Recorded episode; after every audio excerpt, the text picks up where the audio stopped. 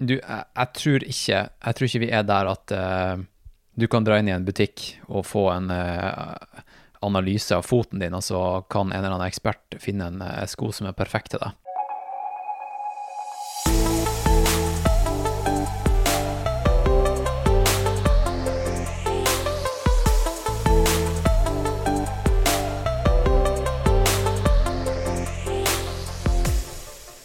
Yes, da ønsker jeg velkommen til eh, en egen løpesko-spesial i Fjellsportpodden. Eh, med meg i dag så har jeg en eh, gjest som jeg beskriver som ultraløper, fjellsportutøver, podkastprodusent og Assix-ambassadør. Nemlig Hans Christian Smedsrød. Ja, takk, takk skal du ha. Det, det, var en bra beskrivelse, vil jeg si. Så bra. Hva, er det noe jeg glemte, kanskje? eller? Nei, jeg er veldig glad i å lage mat. Akkurat nå har jeg en bra surdeig stående og godgjøre seg. Men uh, jeg er veldig glad i fjellet og, og prate, prate skit i en mikrofon. Og, og løpe langt og, og, reise. Så ja. Da er det ultraløp. Ultraløping er en bra kombo. Ja, så bra. Har du lyst til å fortelle litt om podkasten din, eller? Ja, podkasten din heter Nå er det alvor. Og eh, jeg snakker med, med, folk som gjør drøye ting i eh, fjell og naturen generelt. Så fjellsportutøvere. Og siden jeg for det meste driver med ultraløping eh, og klatring, så, blir, så, går det jo mye i det, da. fordi det er på en måte der nettverket mitt er. Og um, nå går vi jo snart mot vinter, og da, da blir det jo mer type rando og, og skisport, skisport og og sånne ting. da. Så ja, nei, det er bare å følge med. Det er jo en utrolig bra tittel på podkasten, da. Det er utrolig sånn uh, Ja, du forventer mye. ja, og så liker jeg at den ikke heter liksom Fjellpodden eller et eller annet med podden, for at uh, da kan jeg holde det litt sånn uh, temanøytralt, da, hvis jeg vil. Hvis jeg, går, hvis jeg blir skikkelig lei av uh, ultraløping om ti år, ikke sant, så kan jeg bare vri podden om til å bli noe helt annet. Mm. Eh, og så kan eh, merkevaren eh, spinne seg ut og bli, bli, til noe annet på sikt, da. Så mm, det, Jeg selger jo capser, ikke sant, med, med Nå er det alvor-logoen, og mm, det er ikke alltid at man liksom Det må ikke være en podkast. Det Det er mer et mindset, da. Ja, nei, men det er kjempekult. Mm. Uh, I dag er jo første episoden hvert fall, som vi spiller inn uh, på avstand. Hvor er det du er hen i Norge nå? Nå sitter jeg i, i Nordens Chamonix, Åndalsnes. Mm. Og så sitter jeg faktisk nå på, på, kontoret mitt her, og så stirrer jeg opp på nesaksla. Ja. Så det er en fantastisk høstdag i dag. Du har jo tilbrakt eh, en god del timer i, eh, i løpesko, og eh, vi har vært så heldige via Assix å få deg som gjest i, i podkasten, da. Og først og fremst, hvordan er det å være ambassadør for et brand på den måten? Ja, du kan, du kan kalle meg ambassadør, men jeg er også uh, fullt sponsa og med på, um, på trail-teamet til Assix internasjonalt. Eh, så selvfølgelig eh, er jeg ambassadør, men, eh, men jeg reiser rundt, også rundt og, og konkurrerer da, profesjonelt. og det, er jo, det, er jo, fantastisk. Det er jo et privilegium, vil jeg si. Og så er det jo, det er jo, det er jo et anerkjent merke, ikke sant. Og jeg løper med, med Jeg har alltid løpt med, med Essex, i hvert fall på asfalt. og så um, begynte de da med en skikkelig sti- eller trail-satsing for et par år siden, og det var da jeg ble kontakta av dem. Så, så, prøvde jeg noen sko, for at liksom Man kan ikke bare takke ja fordi at uh, det er en bra mulighet. Du må, jo, du må, jo, trives i skoene, ikke sant, for å kunne representere dem. Så prøvde jeg et par uh, modeller og, og, likte dem, og så um, takka jeg ja til, uh, til tilbudet. Så da, så, så da, da, er jeg på en måte en del av uh, av gamet er jo også å, å konkurrere. Eh, og um, en gang i år så er det et, um, det er et løp nede i Alpene i Chamonix som heter UTMB. Som er et løp som ja, ikke bare et løp, men en hel uke, vil jeg si. En festival som består av eh, tre hovedløp. Der, eller tre løp, da. Tre-fire løp. Eh, men hovedløpet det går rundt Mont Blanc. Start og slutt i Chamonix. Og det er 170 km. Og mm, det nest lengste er 100 km. Da starter du Cormayeur, og så springer du fra da Cormayeur i Italia til Sveits og inn til eh, Frankrike igjen, til, eh, til Chamonix. Og det du må, du må, gjøre ett av de her løpene her, da. Det er på en måte Det er ikke et krav, men det, de er i hvert fall der og, og crewet og nesten indirekte forventer at du skal løpe et av de løpene. da. Så jeg, jeg gjorde TDS, eh, som er et 145 km langt løp, og det, eh, det går på sørsida.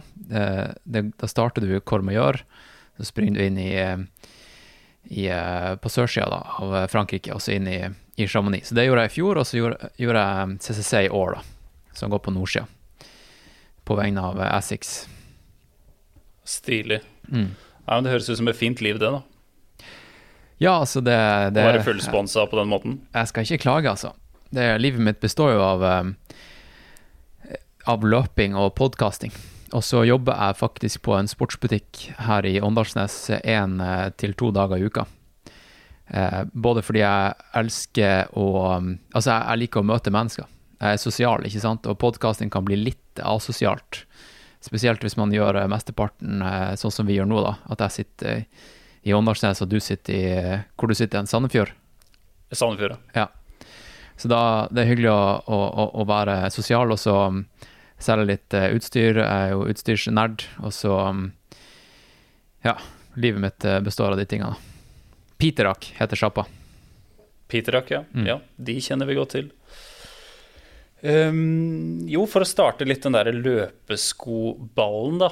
Hva er egentlig forskjellen på en løpesko til 599 og en til rundt 1000, 2000 eh, kroner? Ja, altså det, det er faktisk et, eh, et, ikke så åpenbart uh, svar på det. Fordi at man skulle tro at den dyreste var, hadde best kvalitet. Men hvis du ser på f.eks. de superskoene fra Nike, så er det jo faktisk sånn at kvaliteten deres, altså faktisk ikke er så bra. Du kan springe et par turer, og så plutselig så har de ikke samme effekt lenger. Eh, så du, du, der betaler du kun for farta, ikke sant? Eh, Superskoen til Assets Og lett Ja, sorry. Uh, ja, ja. Det blir litt sånn lag når det er sånn fjerninnspilling her. Um, ja, for da blir det at materialene som blir brukt i de der eh, superdyre, raske skoa, de er så lette og, og skjøre. Ja. Er det det du tenker på? Ja. ja. Så det er et lite gi og ta der, da. Uh, og, men, men, hvis du går ned på sånn 500 kroner, så er det ofte uh, også på andre sida av skalaen. Da. Altså, det er ikke sånn at jo billigere, jo, jo bedre kvalitet. Det er tvert imot. Der, um, de varer, varer, kortere, og du, du blir nok fortere skada av å løpe med dem også, for at det er null demping. og Kanskje de, kanskje de har den dempinga i 100 km, og så blir de helt døde. Ikke sant? Så da får du belastningsskader. For det vanlige, kall det prissjiktet for, for, oss som er litt sånn værmannsen, er jo ofte, syns jeg, mellom, mellom 1000 og 1500 kroner. Ja, nå, nå, det skjedde litt prishopp for noen år siden, for et par år siden. Så nå er liksom det, det vanlige å, forvente det, det, er jo mellom 1500 og 2000, vil jeg si. For et par OK sko, ikke sant. Um, men, um, men Essex har jo faktisk Det er også noe det jeg liker med dem, er jo at uh, de har et par sko som, som ligger på mellom, uh, mellom 1100 og 1500, så de er fortsatt ganske bra priser. Så, For det husker jeg også ja. før, at de hadde de mellomsjiktskoa som du nevner der. Jeg lurer på om de het Gel Cumulus eller noe sånt før? Eller GT 2000 eller noe sånt? Ja, kan okay. det stemme? Ja, det kan godt være. Altså, jeg er ikke så kjent med asfaltmodellen. Eh, men uh, i, i, gamle dager så sprang jeg masse med DS Trainer. Det var min favoritt ja. liksom, uh, i sånn 2005. ja. Men, ja, men det er den, noen modeller som henger igjen, da. Sånn Kayano og Nimbus og de der. Ja, ja, det er jo klassikere. De er fortsatt uh, kjempepopulære. Nå, nå, springer jeg for det meste med, med uh, Fuji Light og Fuji Trabuco 10. Det er mine, mine stisko, vil jeg si. De har jeg faktisk ved siden av meg her. Fordi ja. Da Assix var på besøk her sist, så kom de med to kofferter fulle av løpesko som de ansatte kunne prøve, og det er faktisk akkurat de to modellene du nevner der. Nice. Nice. Ja. Jeg, jeg, sprang CCC eh, med Trabuco 10, og, og det, det, jeg likte med dem, var at eh, selve fotsåla mi ble ikke hamra i det hele tatt etter å ha løpt i 13 timer. ikke sant? Jeg kunne dundre ned siste skråninga, som er ganske steinete parti. Og, og, selve altså, holdt på å si kjøttet på, på, foten min Jeg hadde ingen gnagsår eller, eller, noe vondt i det hele tatt. Jeg kunne fortsatt. Eh, men ellers er liksom Trabuco er en veldig nøytral sko. Den føles ikke kjemperask. Den føles ikke treg, den er helt nøytral. Eh, det du putter i den, får du tilbake. Altså, det er liksom bare Det er deg, hvis du skjønner. For det, det tar meg litt over til neste punkt jeg har på lista, og det handler litt om Er løpesko og litt sånn trendbasert? Altså, jeg syns jo, holdt på å si fra jeg har vokst opp til nå, at det har gått gjennom en del forskjellige epoker, ikke sant. At uh, fra den vanlige Assic-skoen lande på hælen og rulle til barfotløping. Uh, mm. uh, til kanskje f.eks. sånn som Hoka-sko, som er veldig populære, som er veldig lette, men dempa modeller. Så har du også inntrykk av at, av at det går litt At det er litt trendbasert? Det er ekstremt trendbasert. Og det, for å sette det på spissen, da, den der eh, Born to Run-boka som kom ut eh, på Var det 2008 eller noe sånt? Da, da begynte jo folk å løpe barfot, og alle ble skada. Eller med sandaler, ikke sant. Og, og nå er det mange som springer med, med Hoka, fordi at uh, Hoka har vært veldig flinke på markedsføring i Norge. Dette er ikke et, et uh, fenomen i verden. Altså Hoka i Norge har vært kjempeflink til å å, å ha ambassadører som f.eks. Eh, Therese Johaug og andre skiløpere, Klæbo og sånt. Og vi nordmenn elsker jo eh, langrennsløpere. Ja, det er klart. Eh, og, og, og, jeg tror eh, Sånn som Husker du den der tightsen Two Times You? Absolutt. Den, den, ble også veldig trendy på vestkanten.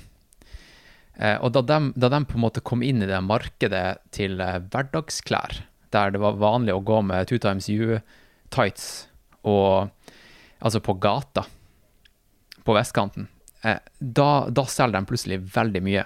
Når det ikke liksom bare var for eh, crossfit-utøvere. Og når, cross, når uh, Hoka kom inn på liksom, i finansbransjen, der det ble vanlig å gå med store, hvite Hoka-sko og en blazer, eller store, hvite Hoka-sko, og bare jobbe på Kiwi, ikke sant? Da selger de kjempemye. Og så blir det trendy. Og, og det har ingenting å gjøre med performance i det hele tatt. Så, um, så det, det, der er veldig trendbasert.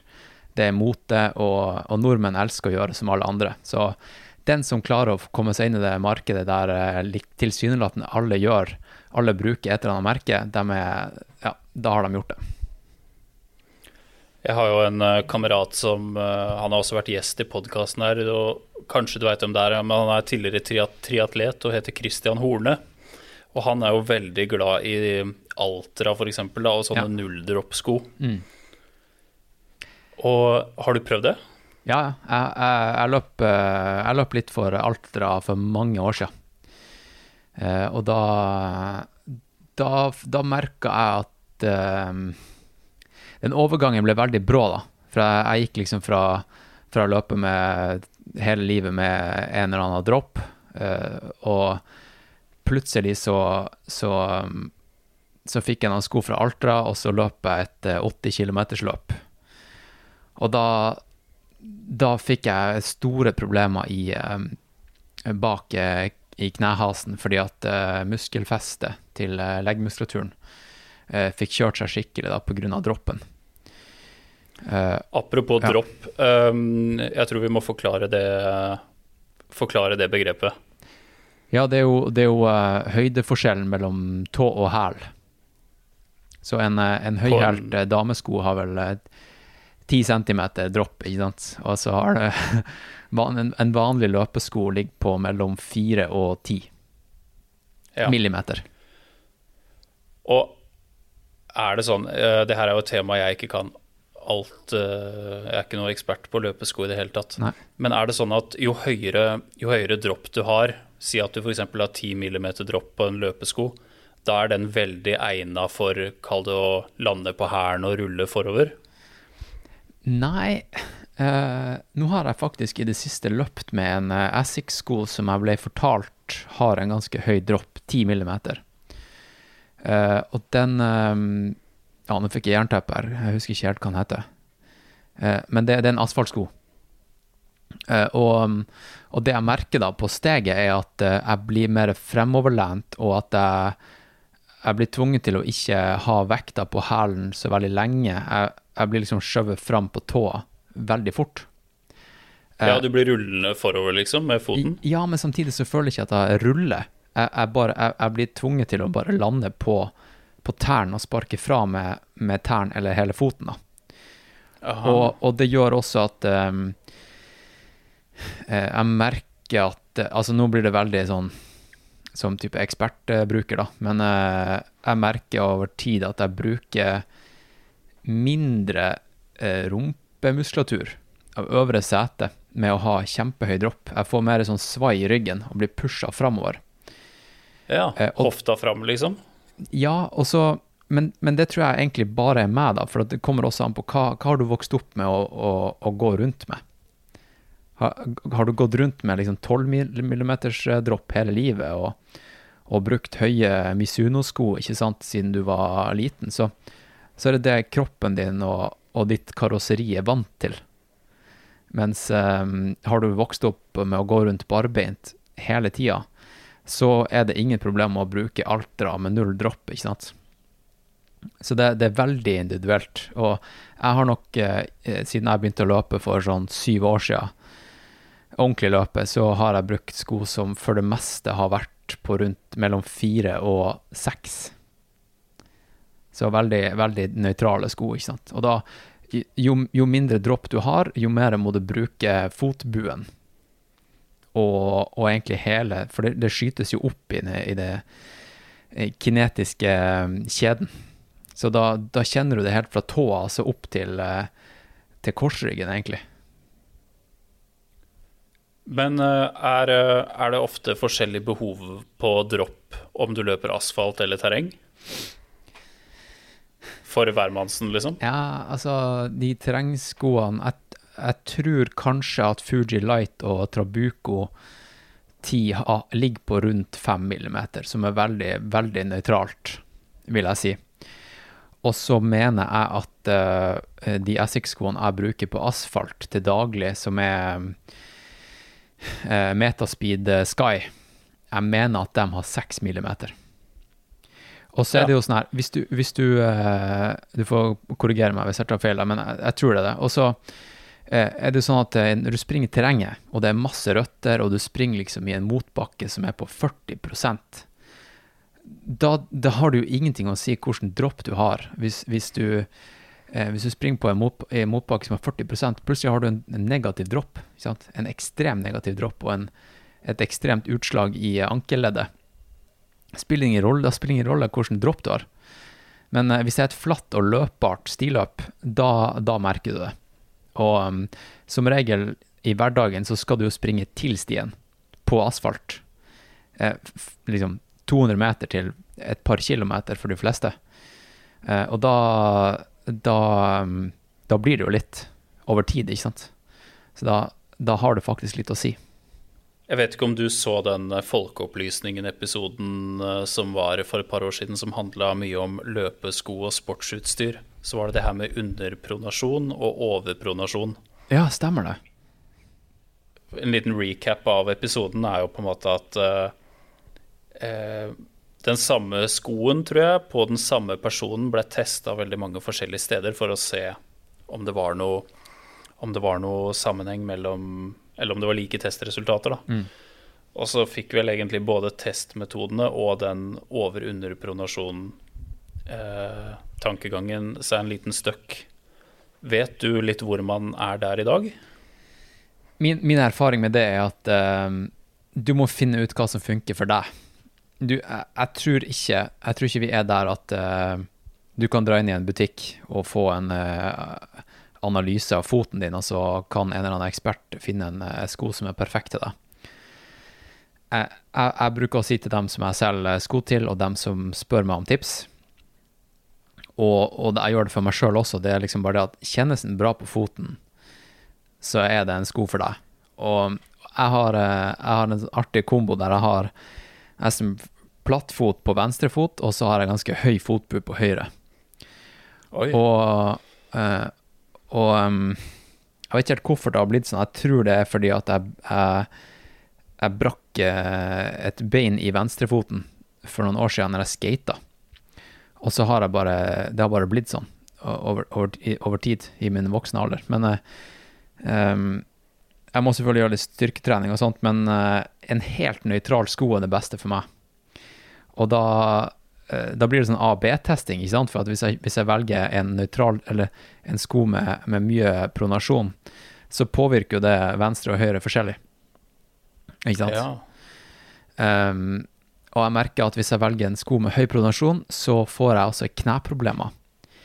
Fordi at uh, da uh, forteller på en måte hodet, uh, eller da får hjernen signaler om at nå kan du slappe av her i fotbuen, og så kan du lene knærne innover.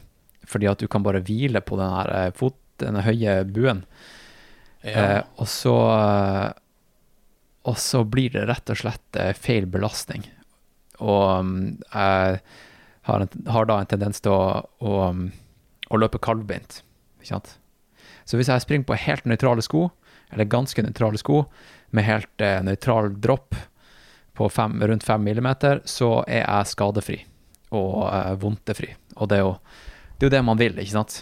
Det er ikke alltid at eh, målet bare er å løpe fort, det er jo at man skal kunne holde på med det her eh, resten av livet.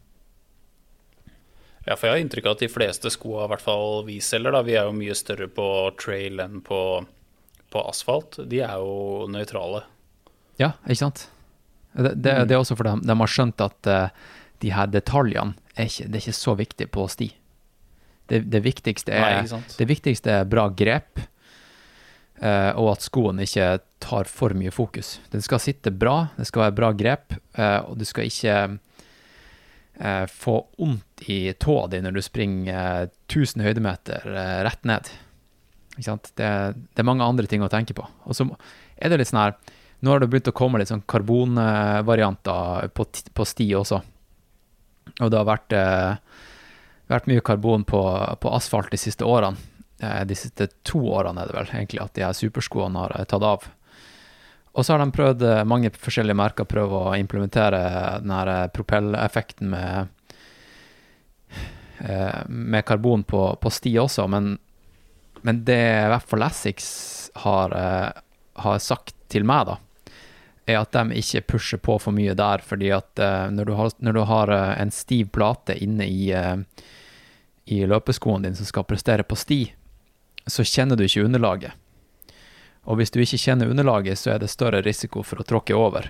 Og det, det Jeg har prøvd karbonskoene mine som er laga for, eh, for, asfalt på, på, sti, og jeg er helt enig, altså.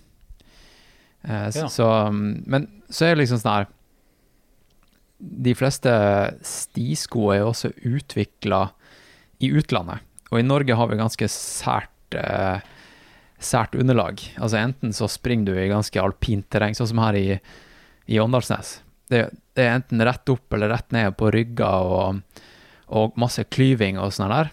Eller så har du sånn type sånn Oslomarka, der det er ekstremt mye røtter og veldig kupert.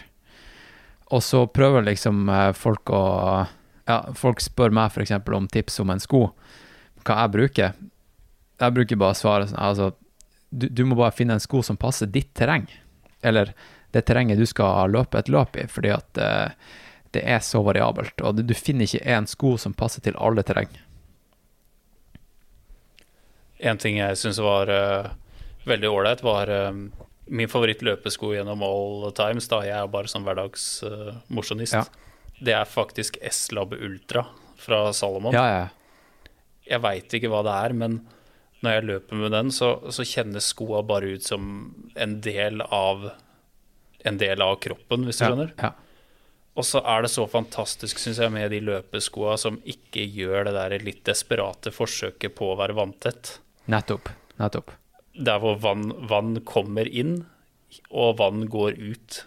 Det, det syns jeg er eh, ja, utrolig mye bedre enn å ha en løpesko med Gore-Tex, for på visse turer så Ja, det kommer jo inn, men med en Gore-Tex-sko så er det veldig vanskelig for at det kommer ut igjen, da. Ja, ikke sant. du Jeg, jeg, har ald- jeg, har vel hatt et ett par eh, Gore-Tex løpesko som jeg kjøpte faktisk her i Åndalsnes for noen år siden, når jeg var på gjennomreise. Og da var det fordi at de bare hadde de, de, det paret i min størrelse, og jeg trengte sko der og da, liksom. Og eh, Nei, jeg er helt enig. Det, det, det, vannet kommer verken eh, ut eller inn, men eh, det kommer alltid inn via eh, Altså, du har jo Du har et ganske stort hull i skoen, og det er jo der du setter eh, foten inn. Ikke sant? Så det kommer alltid vann inn hvis du springer i, gjørme og, og regn og, og plaskete terreng, eh, men vannet kommer aldri ut. Så Nei, bare kjøp Gå for noen sko med bra drenering, vil jeg si. Også en annen ting, eh, nå blir det litt sånn hopping her, da, men eh, en annen ting jeg også har registrert veldig mye, i hvert fall med produktene vi selger og sånn, er at det er blitt litt inn med brei tåboks. Mm. Eh, Og det har jeg prøvd litt sjøl i det siste, og jeg syns, jeg syns det er helt fantastisk. Jeg syns Ja. det er en helt annen måte å løpe på, nesten. Jeg vet ikke om du har noe erfaring med det? Jo da, altså Altra har jo en ganske bred tåboks. Det, det har Topo også, vet jeg. Eh, Salomon har ganske smale, smal fit, og så for mange år siden så løp jeg med en sko fra Innovate som heter X-Talon 212. Og den kom i to Ja, varianter. Den, den har vært populær. Ja, den, Ja. Jeg, jeg elsker den. Eh, jeg vet ikke om de fortsatt lager den, men, eh, men den, den kom også i en, en variant som het Precision Fit. Og da var den ekstra smal. Så det, det handler jo om precision. Og noen, i noen eh, typer terreng så trenger du presisjon. Da, da trenger du ikke de her overflødige millimeterne på, på siden. Uh, og og jeg, jeg ser den i f.eks. Uh, terrenget her i Åndalsnes, eller i Romsdalen generelt, at uh, jo mer, jo mer klyving og jo, jo mer du skal løpe hardt og dundre nedover ei skrent, så må du ha presisjon. Og da, Ja. og da kommer ikke velvære først. Da kommer presisjon først i eh, prioriteringsrekka. Men skal du løpe på lettløpt sti, eh, kanskje lange ultraløp, så, eh, så er det kanskje mer komfortabelt da, å ha en litt bredere tåboks. Og så er det jo ikke alle som har en, en smal fot, det er jo mange som har en bred fot. Og da, da trenger man nødvendigvis en bredere tåboks, da. Hvordan er det Jeg ser jo veldig mange Veldig mange løpeskoprodusenter er jo veldig på det her med grep, ikke sant. Og det er mange forskjellige typer eh, såler. Enten så er det litt sånn knotteaktig, eller så er det på en måte vanlige, vanlige spor, da. Har det eh, Velger du løpesko da ut fra hvilken type terreng du løper i? Altså hvis du er i den der Nordmarka Ja. eh, løpetur der, bruker du annen type såle der enn i Romsdalen, f.eks.? Jeg bruker forskjellige sko, men jeg, bruk, jeg, jeg tar ikke det valget basert på grepet eller sålestrukturen.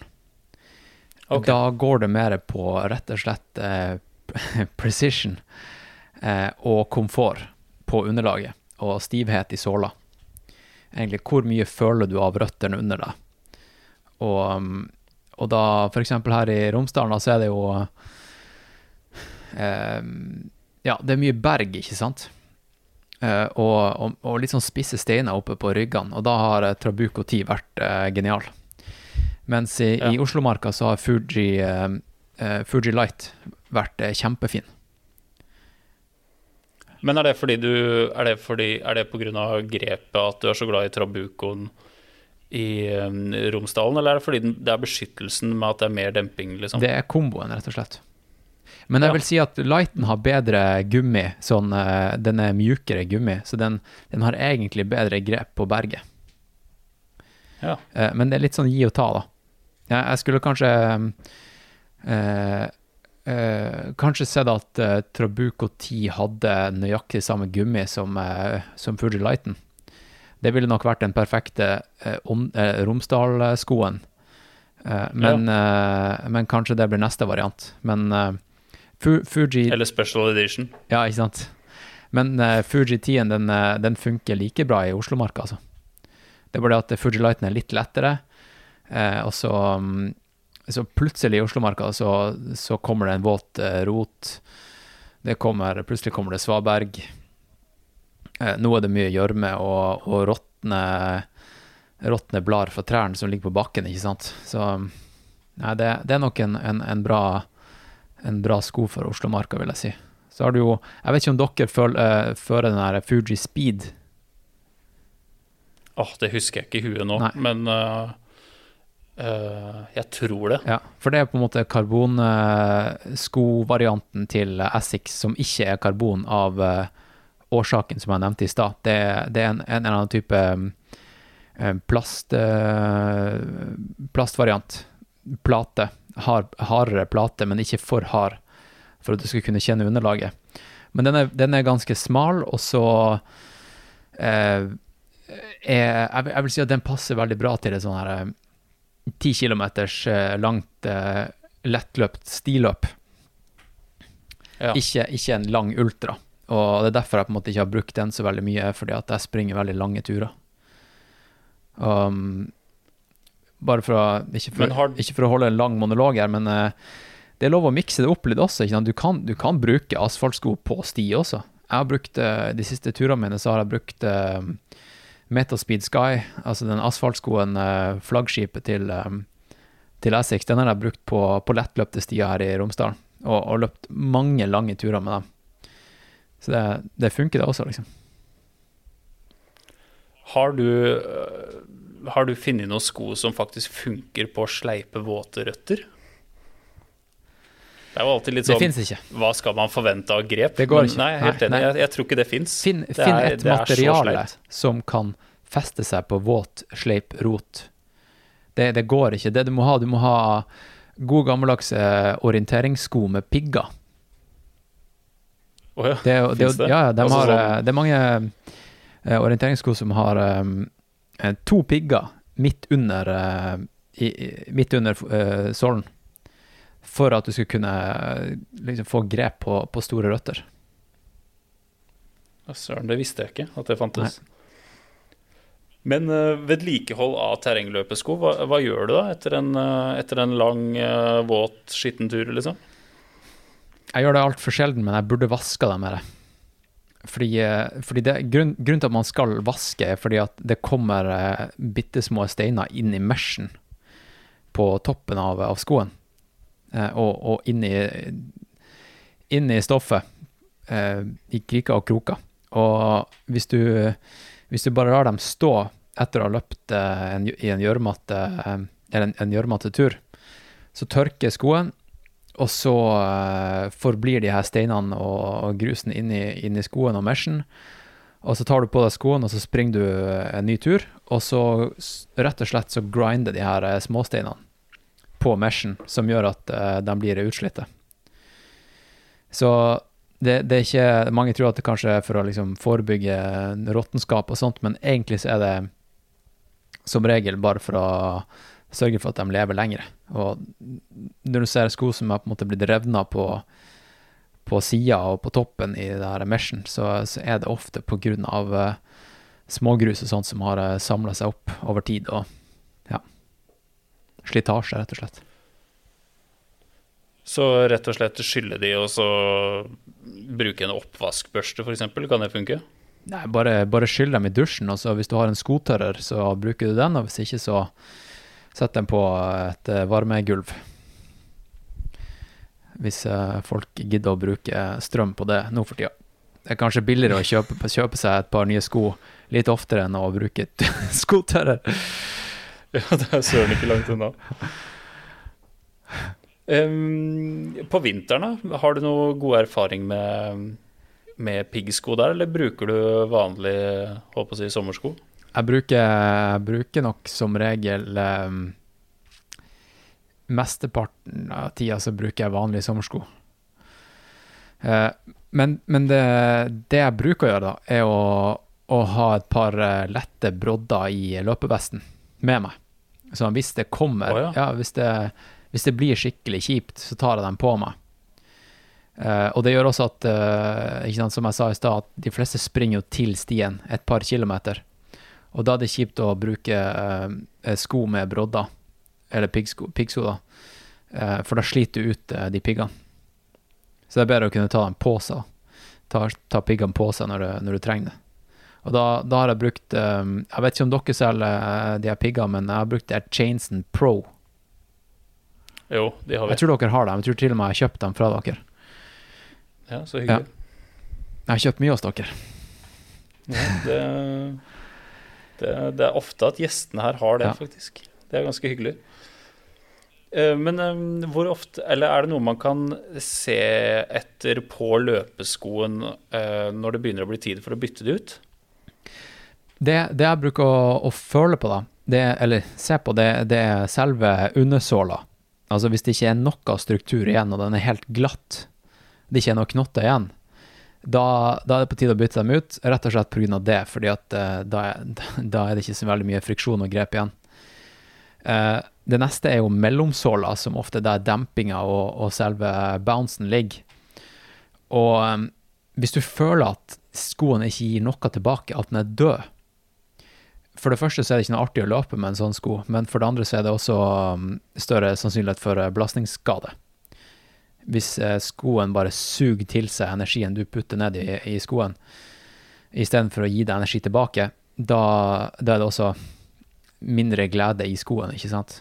Og, og det kjenner man ganske fort. Så en, en, eh, en, god sko burde vare minimum 500 km. Ja. Ikke sant? Og, og, måten du kan tracke det på, det er ved å bruke f.eks. Strava, og så bruke denne den skologg-funksjonen. Så, um, så, det er ganske enkelt uh, gjort sånn sett. At, uh, vent til 400 km, føl litt etter, se er det her liksom Har den levert? Uh, er skoen som det var da den var ny? Mest sannsynligvis ikke, men etter 600 km, da kan det begynne å um, da kan, begynne å, da kan du begynne å vurdere. Men hvis det er en sko som f.eks. den her eh, Trabuco 10 eh, som jeg bruker nå, den har brukt i hele sommer. Jeg brukte den på CCC, eh, det løp, 100 km-løpet. Eh, den, den, leverer fortsatt, altså. Og mm, jeg har ikke brukt den skologgefunksjonen, men jeg vil tippe at jeg jeg, jeg dobla forventningen i antall kilometer. Så den, den er en arbeidshest. Wow. Så det er, mye, det er mye penger, mye bang for the buck, som man sier. Ja, ja, fy søren. Når det kommer til skolisser, har du noe erfaring eller noe tips uh, der? For det vet jeg det er en del meninger om det. Det, det er mange varianter av uh, lisse der ute. Eh, og så er det flere varianter man kan knyte, eller bruke de skolissene. Så um, vi kan jo vi kan ta det første, da. Det er jo varianter av skolisse. Det er jo det er ett skal vi si, De fleste fra Essex de har de klassiske skolissene. eh. Alle kjenner til dem. Det er ikke noe hokus pokus. Men så har du de her, denne varianten som Salomon Jeg tror de egentlig oppfant den back in the day. Eh, og det er jo de her quicklace, den quicklace-varianten. Der du bare Ja, så det er tynne tråder, ikke ja. sant? og så strammer du med én eh, eh, Hva kalles det? Spenne. Ja, du bare drar den, ja, du bare drar den til, og så er den stram, liksom. Og så, så som regel så er det en sånn liten, en lite kammer i tunga som du kan surre lissa inn i da, og gjemme den bort. Det, det, er det jækla få som veit om, akkurat den lomma der. Jeg var på, på fjellet Hamperokken oppe i Tromsø på treningstur. Og så, Det her var for mange år siden. Da brukte jeg de her røde Salomon S-Lab Sense. Det var vel de her nummer seks soft ground-skoene. Um, ja. Og Og da hadde jeg Lissa inne i den her eh, lomma, og så kommer det en kar uh, som, jeg, som, jeg, møtte på, på, ryggen der oppe, og så, og så ser jeg at han springer med lissen helt ute, og de bare henger og slenger. Og så, og så ser han på skoene mine, og så sier han Altså, hvor har du gjort av lissen? Og så bøyer jeg meg ned, og så viser han et kamera der, og så får han åpenbaring. Så Ja. Men det var nå et sidespor. Men, eh, men Asics har et, en par, et par sko med sånn variant, og det er Fuji Speed. Og jeg har egentlig ingenting eh, bra eller dårlig å si om dem. Det var, det ganske handy, da. Du kan ta dem av og på veldig fort. Så hvis du, skal, hvis du skal løpe et langt ultraløp, sånn som det jeg skal gjøre neste nå i Det heter Kullamannen, som er i november i Sverige. Det er 100 miles, så det er 100, ja, jeg tror det er 165 km. Og da er det en drop bag, altså du har en uh, stasjon på ca. 100 km der du kan legge en bag til deg sjøl i forkant, så du kan få den her utdelt, da. Og der tenker jeg å legge et par uh, eh, Trabuco 10. Og da må jeg innrømme at jeg skulle ønske at de hadde en sånn quicklace. For da kan jeg bare kippe dem på meg og springe videre. Eh, men det er jo ikke alltid at de er mest komfortable, for det er jo eh, bare tynne strenger, ikke sant. Så å løpe lange løp med quicklace, det er ikke sikkert Jeg vet at det er mange som eh, har slitt litt med sånn senebetennelse på toppen av, eh, av foten. Oh, ja. rett og slett pga. slitasje etter at de her strengene har ligget og grinda oppe på, på, på, foten. Så det, det, er ikke bare bra ting med quicklacen. Har du prøvd sånne triatlon-lisser som Det er jo mer eller mindre det samme, bare at de er stretchy? Det har jeg ikke prøvd. Men jeg har jo vært skøyteløper for lenge siden, og da hadde vi lange lisser som uh, var dyppa i en eller annen voks sånn at de, eh, de, holdt passformen veldig lenge. Og det, det, har ikke jeg sett på terrengløp, men uh, det kunne man jo vurdert. Men jeg så jo at, jeg så jo at uh, Hva de heter um, Du vet det løpevestmerket som heter Eller løpebeltemerket Naked. Jeg vet ikke om dere selger Naked, men de skal nå komme med en sko der de ikke har noe lisse. For de liksom er så flinke Oi. til å lage ting som sitter så bra til kroppen. Da. Og det, det, er ganske stor eh, fallhøyde der, da, tenker jeg. Du, en, en terrengsko du skal kunne kippe på deg uten å stramme noe. Så det må jeg innrømme at jeg er litt skeptisk der, altså. Ja, det skjønner jeg veldig godt. Men jo. Jeg, ja, jeg har ett triatlon bak meg. Et sprint-triatlon hvor jeg brukte sånne um, triatlonlisser. Ja. Og jeg syns det var helt greit, det var en veldig kort distanse, da. Men det er jo aller best til hverdags. Ja, sant. Sånn som tøfler, liksom. Bare kippe på med Ja, som tøfler, liksom. ja. Men uh, jeg kan gi et tips da for folk som uh, eventuelt skal uh, ende opp med å, å kjøpe Essex-sko etter, etter, å ha hørt episoden her. Og det er jo det at når det kommer til å tighte skoene og, og måten man knyter skolissen på, så er det mange som tyr til den her heel-lock-varianten. Den har du sikkert sett. Ja, det er den hvor du tar Du bruker det bakerste hullet ja. På sant? Ja. Og da Det jeg bruker å gjøre, er å Ja, jeg bruker det bakerste hullet, men jeg, jeg, jeg bruker ikke den der patenten som gikk viralt for noen år siden. Jeg bare, jeg bare tighter den helt normalt, men bruker det bakerste hullet. Det er ikke noe banebrytende der. Mange vil sikkert si at jeg bruker det feil, men uh, jeg syns faktisk at det funker bedre enn å, å, å surre den sånn som uh, den heellock-varianten. For at um, hvis ja. du bruker den Hillock-varianten, så er det på en måte én en lisse eller en streng som går veldig hardt over um, foran på foten din, og den kan ofte stramme litt for hardt, altså over, over tid. Så hvis du har uh, to lisser som bare går på tvers over, så fordeler du uh, trykket. Men uh, nå blir det jo litt lite audiovennlig her, da. Men kjører du da lissa fra utsida av skoa og inn det bakerste hullet, eller ut? Nei, jeg kjører Når jeg, når jeg, når jeg surrer skolissen, så går det alltid innenfra og ut. Ja. jeg har aldri prata om det her i min podkast engang. men jeg har aldri prata om det, om akkurat de her detaljene oh, ja. i min podkast, men det, det er jo kjempeartig. Det, nå går vi skikkelig i detalj. Nå er det skikkelig nerding Ja. her. Har fått Asics-skoene. Den, kom, den kommer ferdig ut av boksen med listen surra innenfra og ut. Og så har du andre sånne her eh, sneakers. De har ofte det motsatte. Så jeg tror at det, det ser kanskje best ut hvis, eh, hvis den er surra utafra og inn. Hvis du skal gå på gata. Men uh, hvis du skal Ja. ha performance ut av skoene, så er det det motsatte. Og da kjører du dobbel uh, kjerringknute, eller? Eller dobbel skolisseknute, liksom? Uh, ja. ja. Mm. Men når det kommer eh, det er jo, Nå er vi inne på lisser, og så tenker jeg at eh, vi også må snakke litt om sokker. Ja, det var bra du tok opp. På Mm. Ja, så bra. um, hva er dine go to-sokker på lange løpeturer?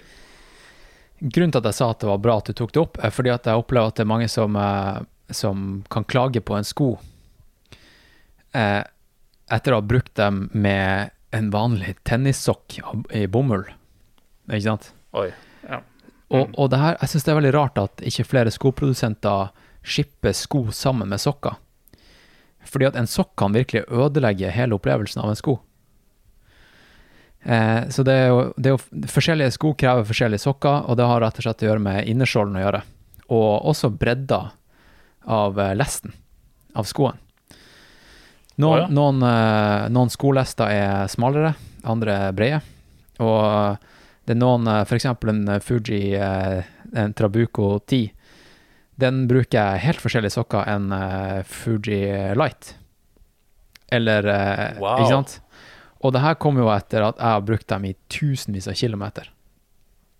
Og eh, jeg husker ja, f.eks. de Salomon-skoene som jeg snakka om i stad. Dem måtte jeg også bruke et spesielt par eh, sokker med, fordi at eh, da hadde jeg best grep inni skoen, sånn at jeg ikke kippa da jeg løp nedover, sånn at ikke tåa traff eh, eh, tuppen av skoen. Og, og det her er også individuelt, men det, det viktigste er at du vet om det. Uh, og at, eh, som regel, at du som regel ikke bruker for tjukke sokker. Og de fleste terrengsko så anbefaler jeg ikke å bruke veldig tynne sokker som du ville brukt på asfaltsko. Kanskje, kanskje par type um, litt, litt mer slitesterke, litt tjukkere. Men jeg syns det er litt tullete, for det er veldig mange sokkeprodusenter som selger trailsokker, og så er de kjempetjukke. Og kanskje to lag, til og med, for å liksom forebygge eh, eh, gnagsår. Og, og da mister du hele løpsfølelsen også. Det er bare tull. Så et par sokker som ikke gjør så mye ut av seg, men som også er slitesterke. Men eh, hva med ull, da? Nå løper jeg faktisk eh, seks mil med et par Smartwool-sokker i går. Inni en asfaltsko. Og eh, det gjorde jeg fordi at de er veldig utslitte. Og tynne. Jeg ville ikke løpt med de sokkene hvis de var nye. Nei? Så det, man må bare føle seg fram, da. Men uh, uh, når det blir vinter, så, så bruker jeg ull. Helt klart. Men tynne ullsokker. På Piterak, der jeg jobber, så selger vi eh, uh, Darn Tough, som har livsgaranti. og de har et par merino-varianter som, jeg- som jeg digger. Og så har Essex også noen sokker. Eh, de har også noen ullsokker som jeg har brukt en del. Den kan eh, eh, For min preferanse så har de vært litt for tjukke. Sånn at Altså sånn type For tjukke til at de får plass i mine terrengsko som jeg bruker på vinteren. Så det er jo Det er litt sånn her ja. Jeg, Mm. jeg springer med størrelse 44,5. Eh, da passer de perfekt på sommeren. Kanskje jeg burde gått opp til 45 på, på vinteren, da. Så jeg får plass til uh, ullsokker. Men uh, jeg har liksom ikke tatt det steget, da. Og, og liksom gått opp en størrelse. Men uh, poenget det er at liksom, folk må teste, teste der ut, da. At du får den optimale løpsopplevelsen. Og at, um, at sokken sitter. At den ikke Det verste du kan gjøre, er å løpe med en glatt sokk i en terrengsko. Det må være bitte litt friksjon ikke sant, mellom innersåla og sokken. Skulle nesten hatt sånn barnehage Eller sånn gymsokk, er det ikke det? ja, med sånne, Med sånne gummi, små ja. bjørneklør Men nå har jeg på meg en, en sokk som jeg kjøpte i Chamonix i sommer, og det er Drymax. Og Drymax er et amerikansk merke fra California eh, som har eh, pusha ganske hardt på de siste årene med markedsføring på store løp og sånt. Western States, som er et ganske stort sånn prestisjeløp. Og jeg trodde liksom at siden de har vært overalt eh, og markedsført seg sjøl, så er det bra sokker. Så jeg kjøpte Jeg, jeg beit på, jeg kjøpte et par sokker. Eh, og og da, da han kisen i den båsen som solgte meg de sokkene, han sa det her er, det er teflon.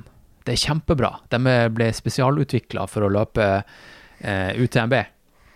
Eh, teflon, sånn at eh, det ikke er noe friksjon mellom eh, deg og skoen. Og så prøvde de, ikke sant. Og så, så er det jo Jeg fant jo med en gang ut at det er jo friksjon vi vil ha. For at foten skal sitte i skoen. Du, du vil ikke ha null friksjon, for da sklir du bare frem og tilbake. Så de har misforstått litt. I hvert fall eh, på den modellen der, da.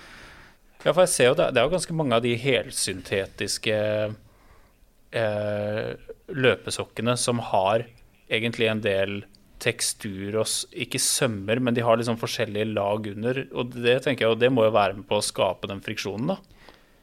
Helt klart. Det er For eksempel, for eksempel under fotbuen så er det litt mer Ofte kanskje ett felt ekstra med, med stoff kontra på hælen. Er det sånne ting man skal se etter? Jeg ville bare sett etter en helt plain sokk, altså. Eh, En helt Ja. plain teknisk eh, sokk, Uh, som eh, av miljømessige årsaker burde vare kjempelenge. Og ja, eh, Darn Tough, dritbra. Livsgaranti. Jeg vet ikke om dere selger Darn Tough.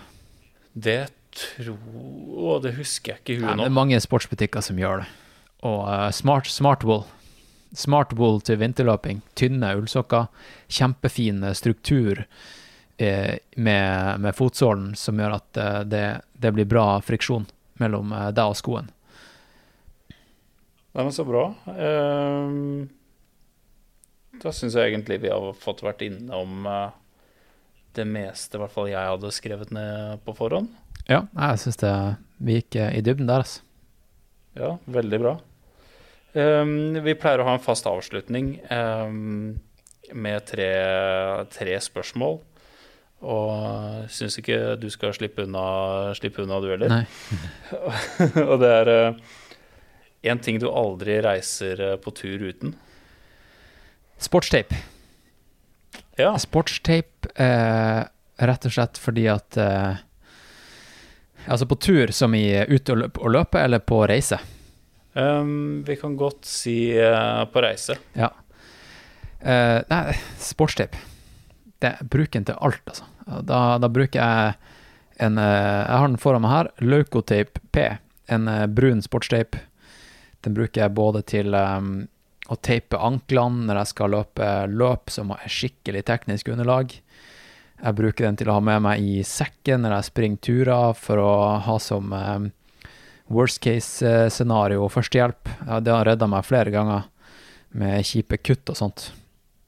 Ja. Uh, så hvis du har uh, bandasje og trenger å teipe det hardt, så har du, så har du sportsteipen. Um, jeg bruker den um, Jeg bruker den til det meste, altså. Så den er liksom min, eh, min Swiss Army knife. Den drar jeg aldri uten. Ja, det var et godt svar. Og så er det er det én ting på en måte innafor sportsutstyr som du alltid har ønska deg, men som du ikke har fått kjøpt? Det kan være alt fra kano til luftgevær. eh. Ja. Nei, det er det ikke. Nei. Det er, jeg, jeg, har, eh, jeg har prøvd det meste, uh, og um, Nei, det skal ikke stå på Det skal ikke stå på det, altså. Jeg må gi deg et skikkelig kjedelig svar der. Ja, men vet du hva? Det er første gang vi har fått det svaret, så det er egentlig uh, nyskapende. Ja, det, det, det er kult å høre. Og så er det litt uh, Hvor går neste turen din nå? Eller neste reise? Ja, det nevnte jeg litt i stad. Eh, Jeg skal til, eh, til Skåne i Sverige. et sted som heter Båstad, eh, og, og løpe Kullamann 100 miles. Så da går det fra Båstad til Mølle. Og eh, da, før vi kommer til Mølle, så skal vi over Kullaberg. Og grunnen til at det heter Kullamannen, er fordi at Kullamannen er en legende om et slag som, eh, som skjedde der i år 990 eller noe sånt. Og da var det vel han Olav Tryggvason eller noe sånt, tror jeg. Eh, som eh, Nei, en eller annen norsk konge. Som, som var Det var like før Altså, Norge Nordmennene tapte slaget. Han var i et skip, og istedenfor at svenskene skulle skulle få, uh, få drepe han, da, så hoppa han frivillig i havet og regelrett tok uh, selvmord. Istedenfor at de skulle få den, uh, den gleden. Og da går ryktene om at han overlevde, faktisk. Han svømte i land, og hans skikkelse lever fortsatt på Kullaberg. Og det er derfor det er Det har vært veldig mange forliser der. Det har på en måte vært som et lite sånn um, kan man kalle det et uh, Bermudatriangel der ja. ute. Uh, litt som Draugen, ikke sant? At han går igjen. Og, og Kullemann ble starta for uh, ja, i 2010, og har nå blitt et kvalifiseringsløp til UTMB, som jeg nevnte i stad. Så jeg drar ja. dit både for å ha det dritfett, få en ny opplevelse, sette distansepers, men også kvalifisere meg til neste års UTMB. Så det, det er planen.